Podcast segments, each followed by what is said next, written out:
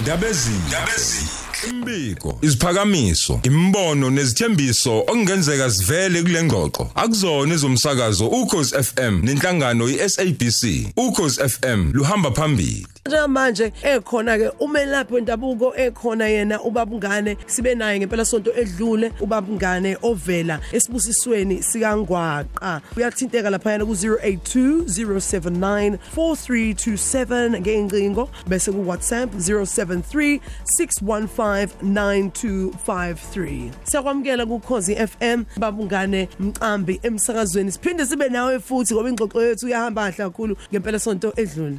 Ngibingelele umsakazi ngibingelele ngibingelele nakubaphathi eh, ngibingelele nako banumzane amadoda. Ngibingelele emakhosini ondaba ezitha. Ngibingelele kuza kwethu ngokwehlukana kwabo. Ngibingelele kubalaleli awubalaleli sinithanda kakhulu. Lo nibingelelayo umkhulungane abamaziyo ke bambiza ngenkunzi yogaga ufohla sebevalile idindi somjiki. Uyena ke lokhuluma uqopha kobhayena umshana ovava amanzi lekwampukunyoni lapha dabuka khona. Sasingene kuyona impela indaba uyabona nje uyangichaza ukuthi ngibingelele abaphathi. Yeah kunjalo msakazi kunjalo kumele sibathinde abathe abakhulu. Kakhulu asiyilutho ngaphandle kwabo umlaleli okhozi eh njengoba sesishilo nje ingxoxo yethu namhlanje kuseni isukaphi babukale le ndaba? Ngoba abantu beza kunina sisikhathi bexayekile banelezi inkinga abakwazi ukuzisho. Ekhaya omunye uyasaba ukuthi achazele umuntu wesilisa omunye mhlawumbe umngani wakhe nomhlobo sakhe unamahloni ngoba khona leyo nto ukuthi hayi uma umuntu wesilisa nje fanele yonke into yakhe ihambe kahle kusho ukuthi nje umsebenzi uyawenza. Eh uyamthokozisa umemo. Uma khona izinto ezingahambi kahle sekuthiwa manje hey hey hey yini kwenze njani? Ey msakazi wathinta isiba ihloko esibaleke kakhulu msakazi. Umdlavuza wamakhwahla.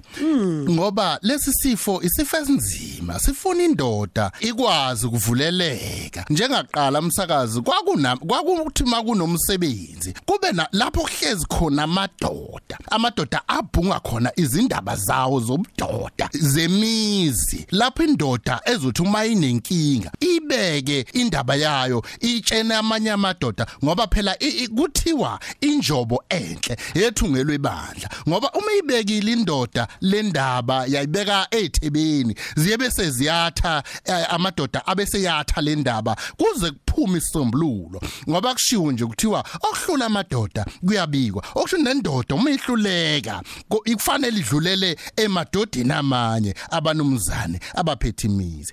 Iba inkinga ke lento umsakazi yalesi sifo ngoba idalwa ukungcola. Ukungcola okungenzeka ukuthi indoda iyiphume ithi yoyijabulisa ndawana thizini ifike ithole lento yokungcola. Iphinde futhi idalwe ukudla ukudla okungenayo impilo. Yezwa msakazi? Yebo. uyabona nje kuqala kwakuthiwa indoda kufanele ibe nesichongo sayo. Kwenzela ukuthi lapha ya ekamelweni ingakhathali indoda kungabonakala indoda hawu seku- sekushaya nje uhalf past. Kanti indoda kufanele uthi lwahlezi lukuthwala ufu luqondile nje. Ngoba makunjalo msakazi ukhuthaza umama wekhaya. Umama uvuka kwenzela isikhaftini ngenjabulo ngenhliziyo emhlophe ngishenzela izingane zesikoleni. Uzenzela ngenhliziyo emhlophe. Ngani na? La ekhaya uhleze ejabule. Okunye futhi okudala lokho kungenzeka ukuthi ekhaya khona umuntu owayenaso lesi sifo noma onaso.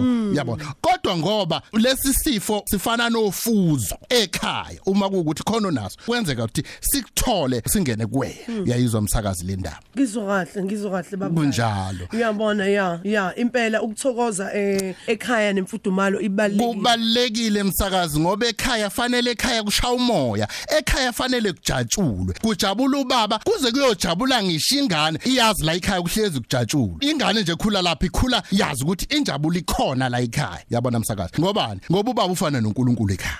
Ngoba umama umama ufana nengilusi umama ufana nembali umama uyena owenza zonke izinto ingane zibonela kumama. Ngoba ingane thina sibuka yona ukukhula kwayo. Ingane nje ihamba ithuka inhlamba sibuka ukuthi awu lengane kanti ekhaya kubo kunjani sesifunda ini emsakazi ikubo silifunda kuyona ngoba ingane iyisibusiso ingane ingakho ingane kufanele mabe ithola abazali benza isiprofetho ngengane. Yabona? Amen. beyethi igama elizoyakha bangathi ingane usigora ingane elizokhula yazi ukuthi mina ngisigora mina ngilwiza impi ingane ezinye ngiyayishaya ukukhula kwayo kanjalo. Fana nani umsakazo fana nokuthi ekhaya mahlezi kuliwa kuyathukwana kuyaxatshwana la ekhaya leyo ngane ikhula yazi ukuthi kuyaliwa nje. Ayikho enye into eyaziyo mina igama lami ngunkanyiso abantu mabefika kumkhulungane ngifike ngithi bekani phansi inkanyiso ngobani? Kwa prophet ubaba nomama. Bathi inkanyiso le kanti vele kukhulela nje inkanyiso nabantu kusebekhululekile inkanyiso bayekhipha yayibona msakazi? Yeah. imnandi kanjalo ingane yethiwa ngesiprofeto yabo Yeah, yeah. yebo msakazi. Iyahlupha kakhulu lento umsakazi yalesi sifo samakhwahla. Siyalapheka sona. Yebo. siyalapheka impela. Ukuthi ma- u- umuntu o- uxolo mkhulu umuntu uma engathokozile akube khona into ayenzayo ngoba ukuthokoza kwakho kuyas affecta sonke nje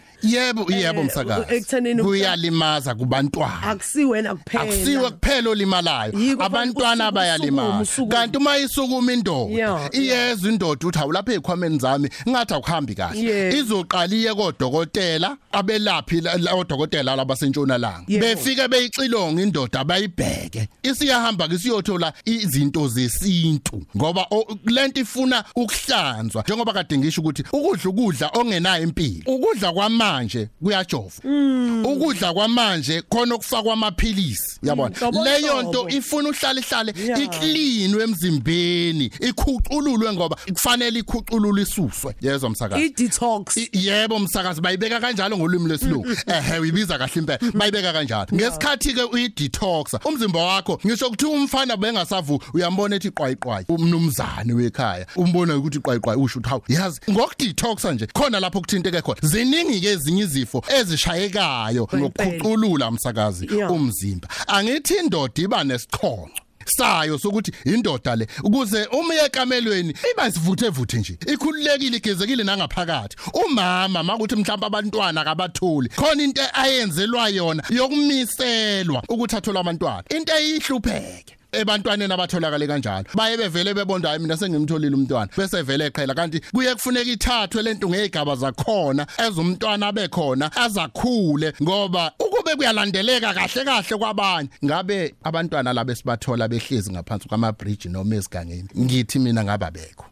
Ngoba lapha ya kusuke kusetshenziswa imithi ethizeni azomiselwa ngayo. Hayi impela ilowo nalowo nenkinga ehlukahlukene inkonzo yasekameleni ayihlonishwe ibaluleke kakhulu umsakazi ngoba uyahamba umama makuthi ayisekho. Yebo nkosi yami. Manje mkhulu bathanda ukuthi bakuthinte bakuthole nolwazi oluhlukahlukene mayelana nazo izinto ezilaphekayo indlela ehanjwayo ukuthi umuntu uyazimisela asukuma athola usizo ukuthokoza kwakho umuntu wesilisa kubalekile kuthina siwumndeni. Ekhaya sihleli nawe utholakala kuphi nendawo umsakazi lapha engikhona okwamanje ngoba ngilapha eThekwini ngisemlazi kwathi ehostel e70 Yebo. lapha engitholakala khona ngoba ngila eThekwini Yebo. lapha engitholakala khona inamba yocingo umsakazi ethi 082 0794 327 082 079 4327 le abanye abaye bengibhalele kuyona eno WhatsApp ethi 073 615